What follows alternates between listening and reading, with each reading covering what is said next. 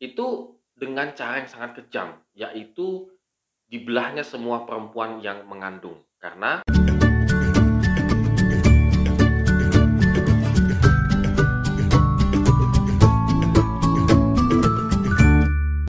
Shalom good readers, hari ini kita kembali akan merenungkan firman Tuhan.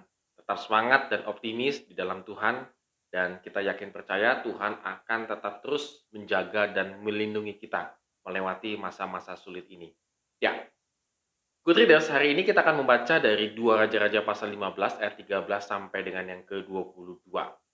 Di sini dikisahkan bagaimana Salum menjadi raja tetapi tidak lama, hanya satu bulan. Wah, ini memang luar biasa singkatnya begitu ya. Karena walaupun Tuhan sudah menepati janjinya, seharusnya keturunan Yehu yang akan menjadi raja Israel itu bertobat, benar-benar mengikuti Tuhan, maka pemerintahannya pasti akan lama.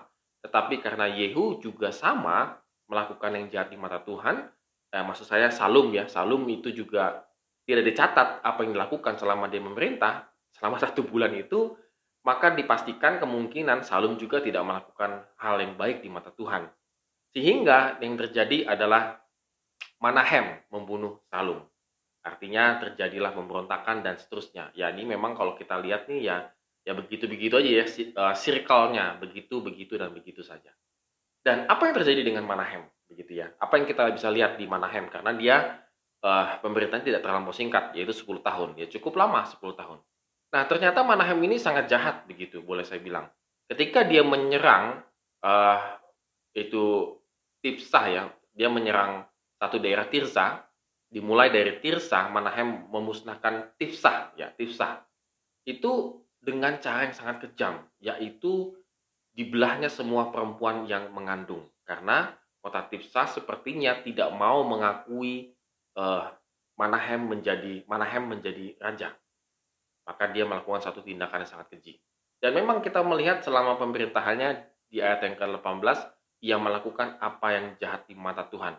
Bahkan sepanjang umurnya, artinya dari dia lahir sampai dia mati, dia tidak pernah jauh dari dosa-dosanya Yerobeam bin Nebat. Nah, kita bisa melihat di sini seharusnya Manahem yang menjadi kuat karena melakukan hal yang jahat, yang sadis gitu ya, yang jago banget nih, karena dia membunuh orang Tifsah dengan sangat kejinya itu ketika ada tantangan Paul Raja Asyur akan menyerang Israel, apa yang dilakukan oleh Manahem? Seharusnya Manahem sebagai raja yang tanda petik jagoan begitu, boleh dong menantang ataupun akan menghadapi Paul Raja Asyur. Eh, tidak taunya dia itu malah mengumpulkan duit dan membayar upeti kepada Raja Asyur. Uang damai deh, kira-kira demikian. Supaya dia tidak diserang. Akibatnya dia malah menjadinya uh, Raja Manahem karena membayar upeti itu dia memeras kembali uh, orang-orang uh, Israel. Jadi ini luar biasa sekali jahatnya orang dan liciknya Raja Manahem.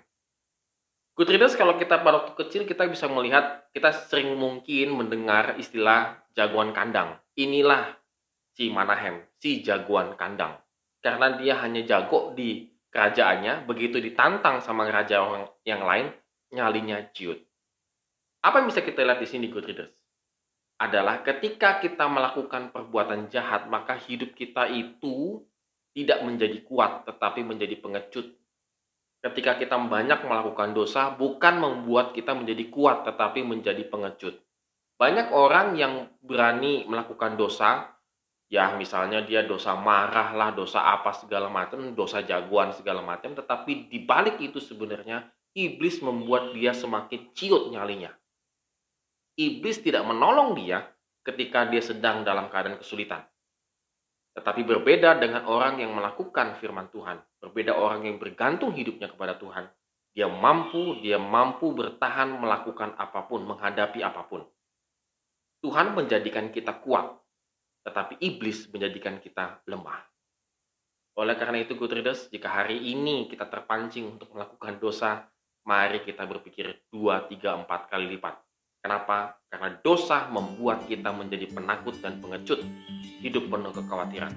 Tetapi kalau kita melakukan firman Tuhan, taat sama firman Tuhan, menjadikan kita kuat dan tabah dan tegar menghadapi segala sesuatu yang terjadi dalam kehidupan kita.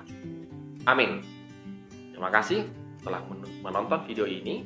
Have a nice day and God bless us.